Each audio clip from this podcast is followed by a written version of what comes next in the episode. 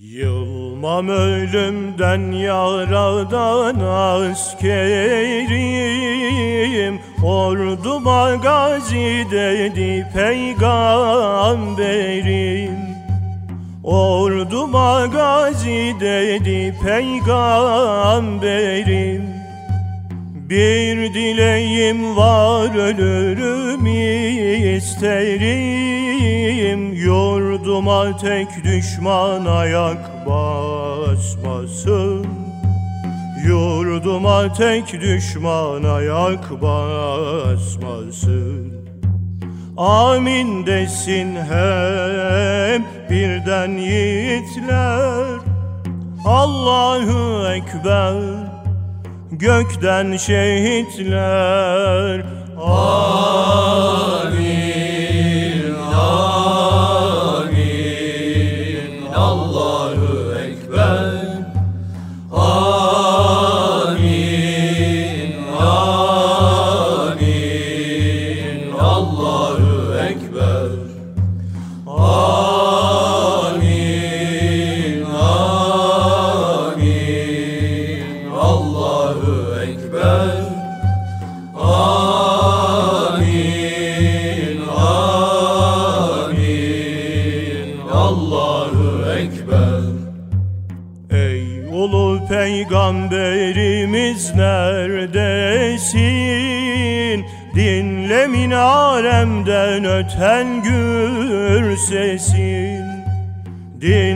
Dinle minaremden öten gür sesin Gel bana yar ol ki cihan titresin. Kimse dönüp süngüme yan bakmasın. Kimse dönüp süngüme yan bakmasın Amin desin hep birden yiğitler. Allahu Ekber gökten şehitler. Amin,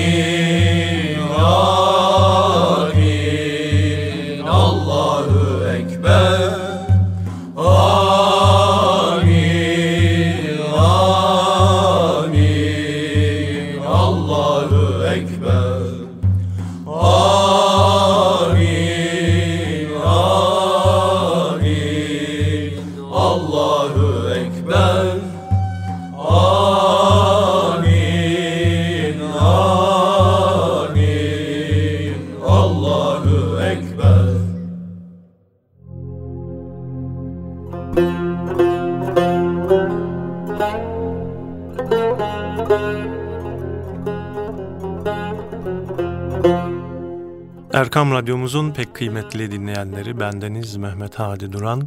İlahi Nefesler programımızla sizlerle birlikteyiz efendim. Kelile ve Dimne hikayeleri anlatmaya kaldığımız yerden devam ediyoruz. Kurt, Karga ve Çakal'ın anlaşması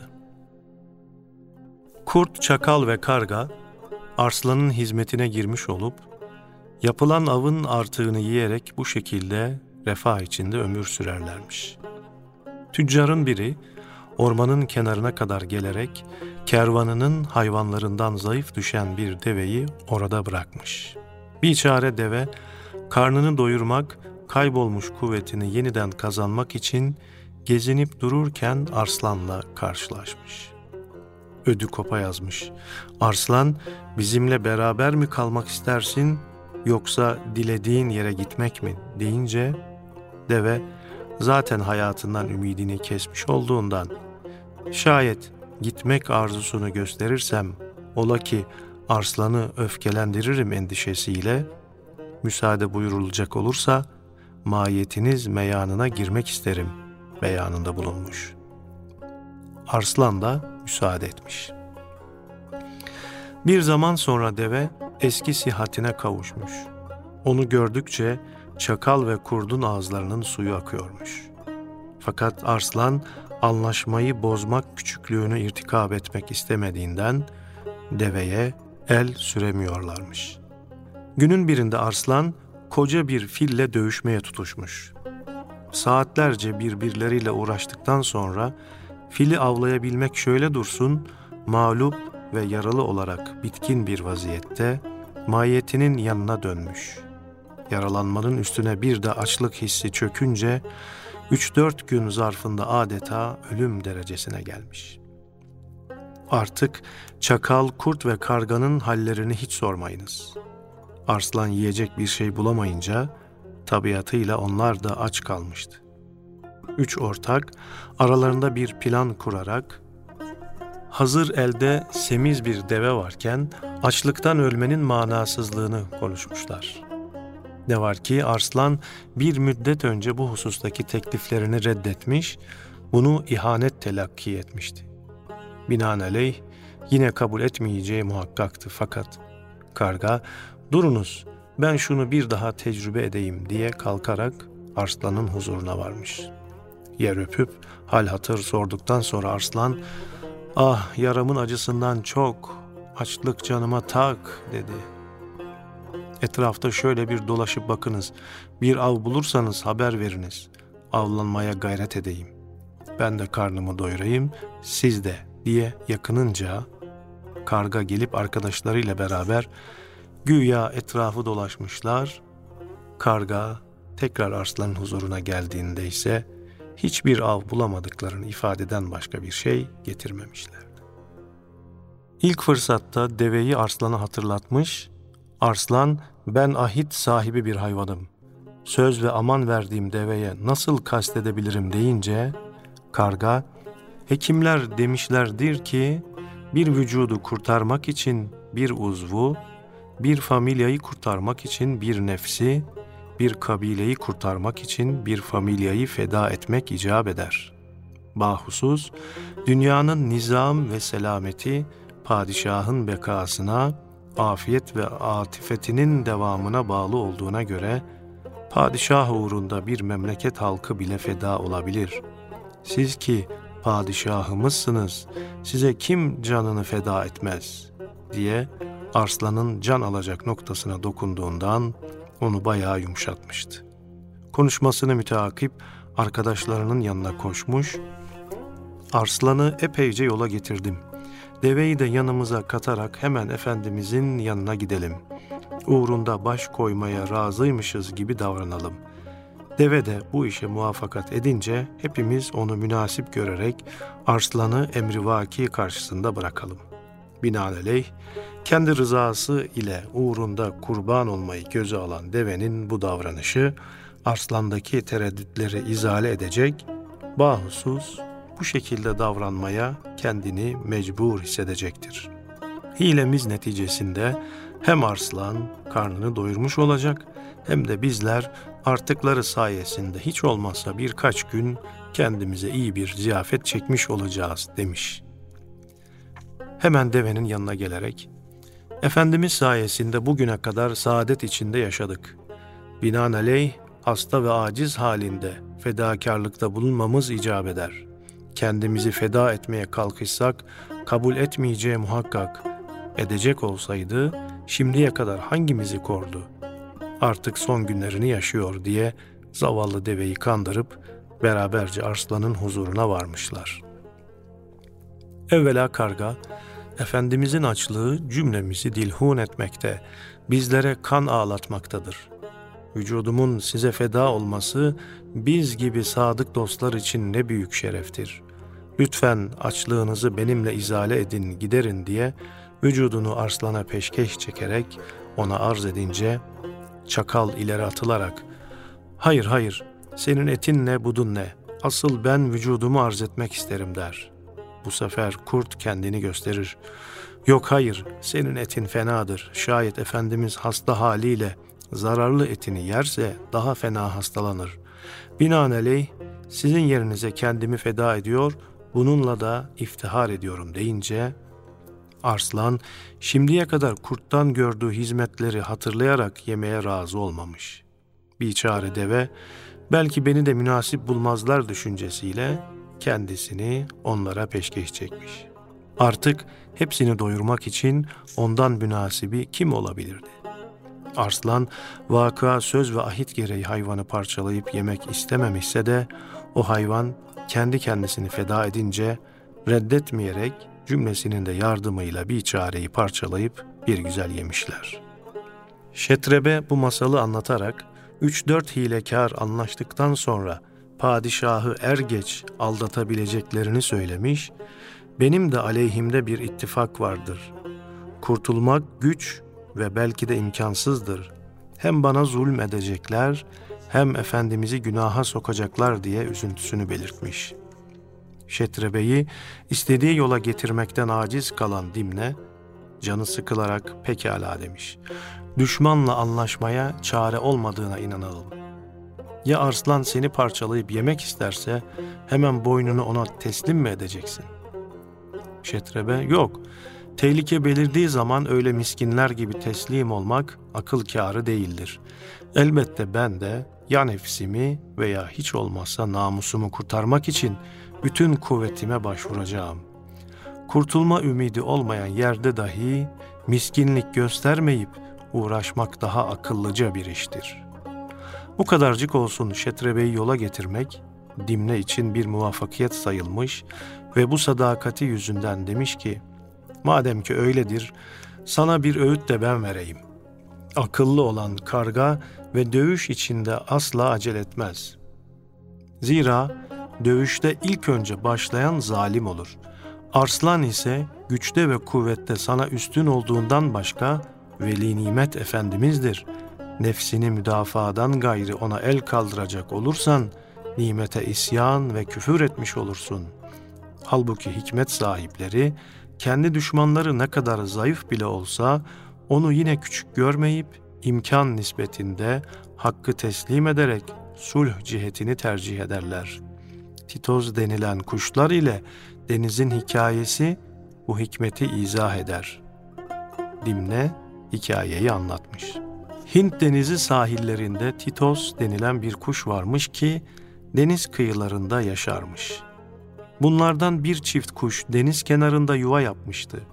Dişisi yumurtlama haline gelince erkeğine demiş ki, Dostum, yumurtalarınız için emin bir yer bulalım.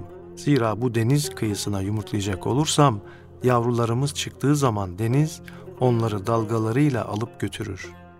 Erkek karısını bu sözünü dinlemeyerek kabul etmemiş. Denizin haddine mi düşmüş ki benim yavrularımı alıp yok etsin? Sonra ben onun başına olmadık işler açarım diye alay etmeye başlamış. Dişi demiş ki, öğüt dinlemeyenin, o yolda iş görmeyenin sonunda düşmüş olacağı pişmanlık para etmez. Onun bu hali tıpkı söz dinlemeyen kurbanın haline benzer. Erkek kuş kurbağa masalının nasıl olduğunu dişisinden sual etmiş. Efendim kısa bir ara verelim ve programımız kaldığı yerden devam etsin inşallah. Ey vahidü ferdü samet Senden medet, senden medet Ey vahidü ferdü samet Senden medet, senden medet Eylem yekün küfüen ahad Senden medet, senden medet. Eylem yekün küfüen ahad Senden medet, senden medet.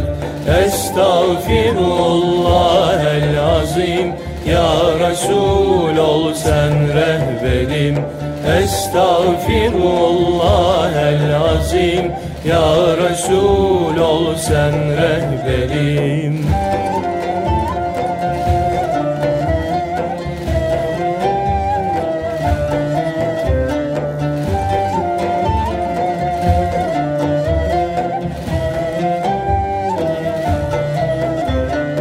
Zulmani nurani hicab Açılsın olsun fethi bab. Zulmani nurani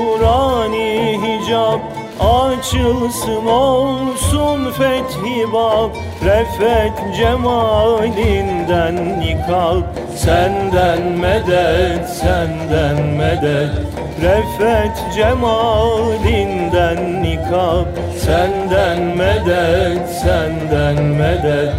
Estağfirullah el azim. Ya Resul ol sen rehberim Estağfirullah el azim Ya Resul ol sen rehberim.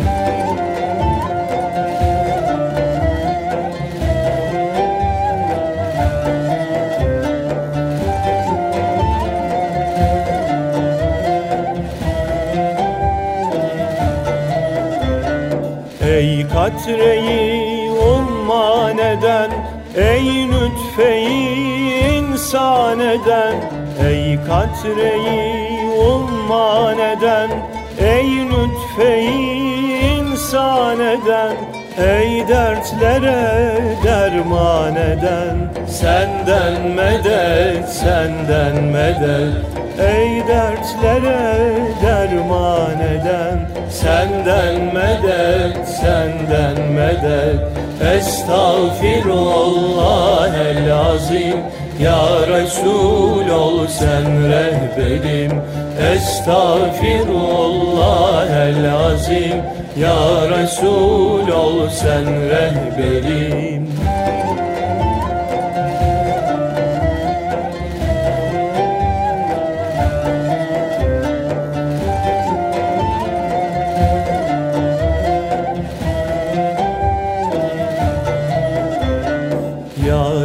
hüdayi derdime avare kıldı müstemen Ya Rab hüdayi derdime avare kıldı müstemen Vaslından olsun behremen Senden medet, senden medet. Vaslından olsun behremen Senden medet, senden medet. Estağfirullah el azim Ya Resul ol sen rehberim. Estağfirullah el azim Ya Resul ol sen rehberim Kısa bir aradan sonra tekrar birlikteyiz. Kelile ve Dimne hikayelerini dinlemeye, okumaya devam ediyoruz. Şimdiki hikayemiz Geveze Kurbağa. Küçük bir gölde iki kaz ile bir kurbağa arkadaşlık ediyorlarmış. Bir ara gölün suyu kurumaya başlamış. Kazlar kuru gölde yaşayamayacaklarını görünce yer değiştirmeye mecbur olmuşlar. Fakat kurbağa ile aralarındaki dostluk pek fazla olduğundan onu bırakıp gidemedikleri gibi keyfiyeti kurbağayı anlattıkları zaman o da bu ayrılığa razı olmamış. Nihayet kazlar kendilerinin hicret edecekleri suyu bol bir göle yine birlikte yaşamak üzere kurbağayı da beraber götürmeye razı etmişler. Bunun için de bir şart koşmuşlar. Bu şart uçma esnasında kendilerine hangi hayvan rast gelirse ve ne türlü söz ederse kurbağanın buna cevap vermemesinden ibaretmiş. Nihayet bir değnek bulup kurbağanın ağzına vermişler. Kurbağa değneğin orta yerinden ağzıyla sıkı tutunca kazlar da kendi ağızlarıyla değneğin iki uçlarından tutarak havalanmışlar. Bir köyün üzerinden geçerlerken köylüler "Vah, bakınız, bakınız iki kaz ve bir kurbağayı ne tuhaf bir şekilde götürüyorlar." diye velveleye başlamışlar. Kurbağa bir müddet susup sabrettiyse de nihayet köylüleri susmaya mecbur etmek için vak vak der demez ağzı değnekten kurtularak paldır küldür aşağı düşmüş ve parça parça olmuş. Kazlar arkasından işte söz dinlemeyenin hali böyle olur diye mırıldanmışlar. Bu hikayeyi dişi Titoz erkeğini anlatınca erkeği bu masalı can kulağıyla dinledikten sonra karısına teminat üstüne teminat vermiş. Denizin kendi yavrularına zararı olmayacağından bahisle yumurtalarını yumurtlamasında hiçbir beis olmadığına onu tam manasıyla inandırmış. Dişi yumurtaları yumurtlamış. Zamanı gelince kuluçka olarak yavrular çıktıktan ve epeyce de palazlanmaya başladıktan sonra bir gün denizde dalgalar büyüyerek yuva içindeki yavruları sürükleyip götürmüş. Bunun üzerine dişi Titos erkeğine gördün mü şimdi başımıza gelenleri? Ben sana vaktiyle bunu haber vermemiş miydim diye söylenmeye başlayınca kocası sen telaş etme ben denizin hakkından gelirim diyerek kalkıp kuşların padişahına gitmiş ve başına gelenleri bir bir anlatarak demiş ki eğer sen bütün kuşları toplayıp benim intikamımı denizden almazsan gider Hazreti Süleyman'a şikayet ederim. Seni kuşların başkumandanlığından azlettiririm. Serdarlık ve hükümdarlığın şanı zayıfları korumayı ve zalimlerden intikam almayı icap ettirdiğinden kumandan bütün asker kuşları toplayıp deniz kenarına vararak "Ey deniz," demiş. Arkadaşımız Titos'un yavrularını geri vermezsen seni kurutur, vücudunu yok ederiz diye korkutmaya başlamış. Hiç kuşların denizi korkutabilmeleri kabil midir? Fakat deniz, düşman büyük bir denize nispetle bir kuşlar ordusu kadar aciz bile olsa, yine onu küçük görmek ve hakkı teslim etmekten kaçınmak gibi hareketlerin hikmete uymayacağını bildiğinden inatlaşmayıp Titos'un yavrularını geri vermeye mecbur olmuş. Bu masalı anlatan Dimne'ydi. Şetrebe'yi Arslan aleyhinde istediği gibi doldurduktan sonra güya sulh sever olduğunu göstermek için bu sözleri sarf etmişti. Biçare Şetrebe temiz ve saf bir kalple bu nasihati dinlemiş ve ta Arslan'dan düşmanlık hissetmedikçe nefsini müdafaya kalkışmayacağını Dimne'ye kat'i bir lisanda vaat etmiş. Nihayet Dimne, Arslan'ın gazap belirtisini herhalde bilirsin. Gözleri fırlar, burun delikleri açılıp kapanır, dişlerini gıcırdatır, homurdanır, hele kuyruğunu çat çat yere vurur ki asıl hucuma hazırlandığı da işte bundan anlaşılır diyerek Arslan'dan bu halleri görür görmez nefsini koruması için ne yapacaksa yapması lazım geleceğini Şetrebe'ye bir bir hatırlatmış. Muvaffakiyetini bu suretle temin ettikten sonra kalkmış arkadaşı Kelile'nin yanına gelip muvaffakiyetini müjdelemiş. Kelile fitne ve fesattan hiç hoşlanmaz akıllı bir hayvan olduğundan Dimne'nin muvaffakiyet saydığı şeyi asla beğenmeyerek bu çevirdiği dolabın sonunun nasıl cereyan edeceğini seyretmek için kalkıp Arslan'ın evi civarına gitmiş. Biraz sonra Şetrebe de oraya gelince Arslan daha uzaktan onu görür görmez kendisine bir fenalık yapmak için gelmiş olabileceği zehabına kapılarak dişlerini gıcırdatmaya, kuyruğunu yere çarpmaya başlamış. Şetrebe de Arslan'ın bu halini görünce kendisine saldıracağını zannederek nefsini müdafaya hazırlanmış. İki tarafın bu tedirgin vaziyeti birbirinin şüphesini daha da arttırmış. Ortada öylesine müthiş bir dövüşme başlamış ki gören hayvanların hepsi korkularından ve hayretlerinden tir tir titremişler. Şetrebe'nin cüssesi arslandan daha iri, bünyesi ondan daha kuvvetliymiş fakat ne kadar olsa ot yiyen hayvanlar et yiyen hayvanlar kadar yırtıcı olamayacaklarından Arslan pek fena saldırmakta, Şetrebe ancak kendini müdafaa etmekteymiş. Keliyle bu hali görünce fitneci Dimne aleyhine dilini uzatarak ve azarlayarak demiş ki, Ey ev yıkan, ettiğin işi gördün mü? Evvela hiç lüzumu yokken veli nimetin efendini böyle zahmetlere düşürdün.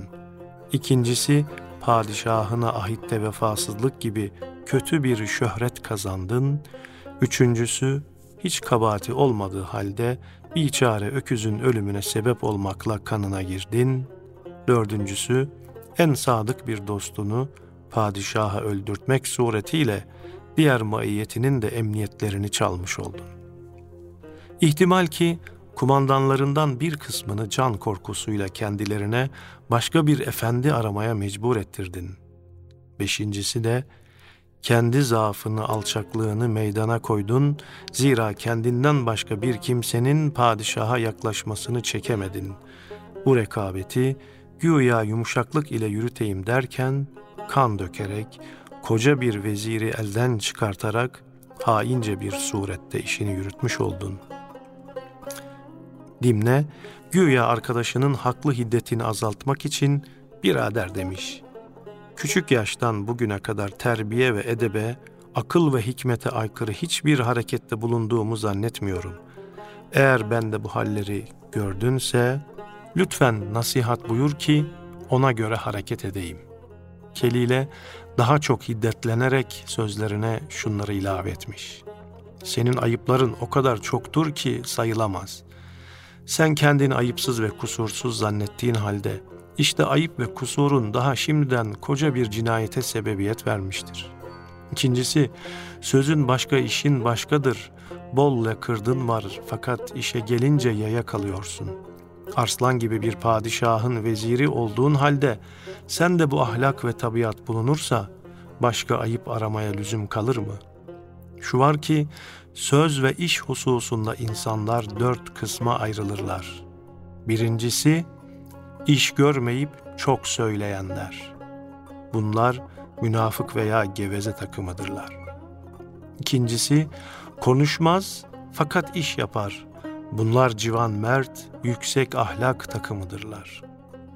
Üçüncüsü, hem söyler hem iş yapar. Bunlar alelade kişilerdir. Dördüncüsü, ne söyler ne de iş yapar. Bunlar ise en alçak ve en fena olanlardır. Sen ise bütün kuvvetini söze hasrederek iyi hizmetten aciz ve geri kalırsın. İşin gücün laf alıp vermek fesattan ibarettir. Dimne, ne yapayım? Ben bir vezir ve öğütçüyüm. Padişaha güzel öğütler vermek borcumdur. Kelile, evet, işte verdiğin nasihatlerin meyvesi olarak padişahı katil ettin. Bir günahsızın öldürülmesiyle onun şanının lekelenmesine sebep oldun. Büyük hakimler demişler ki, amelsiz kuldan, akılsız maldan, faydasız amelden, niyetsiz doğruluktan, öğütsüz laftan fayda gelmez. Dimne, bu işe bulaşmam, padişahın teveccüh ve emniyetini kendime inhisar ettirmek içindi. Hamdolsun, Şimdi bu emelime kavuştum. Bundan sonra sadakatten ayrılmayacağım. Hizmetimin doğruluğu ile efendimi memnun etmeye çalışacağım. Kelile, işte padişaha asıl hiyanetin bu yüzden değil midir? Padişahın emniyetini yalnız kendine tahsis etmeye çalışmak, veli nimetini diğer birçok akıllı ve faydalı dostların iyi hizmetlerinden mahrum bırakmak değil midir?'' Bundan büyük bir hiyanet düşünülemez. Alimler beş şeyi ahmaklık eseri saymışlardır. Birincisi, başkasının zararından kendine menfaat temin etmek. İkincisi, oruçsuz ve ibadetsiz ahiret sevabı ummak. Üçüncüsü, kadınlara kabalık ve husumet gösterdiği halde onlarla aşk hayatı ve sevgi gayretine düşmek.'' Dördüncüsü, rahatını bozmaksızın ve çalışmaksızın her bilgiyi bilmek. Beşincisi, hukuku bozup vefasızlıkla insanlardan sadakat beklemek. Kelile, arkadaşını azarlamaya daha ziyade devamla sözü uzatmış, ona nasihat kâr etmeyeceğini biliyorsa da her şeye rağmen kendisini ziyadesiyle sevdiğinden belki bin sözden biri kulağında kalır diye habire nefes tüketip durmuş. Hatta öğüt kabul etmeyenlere öğüt vermekte ısrar etmenin faydasız olduğunu da bilmiyor değilmiş. İşte bunu açıklamak için öğüt kabul etmeyen bir kuşun hikayesini de anlatıvermiş. Efendim ömrümüz olursa bu hikayeyi de haftaya dinleyelim inşallah. Bize ayrılan süre bu akşamda sona eriyor. Haftaya görüşmek ümidiyle efendim. Allah'a emanet olunuz.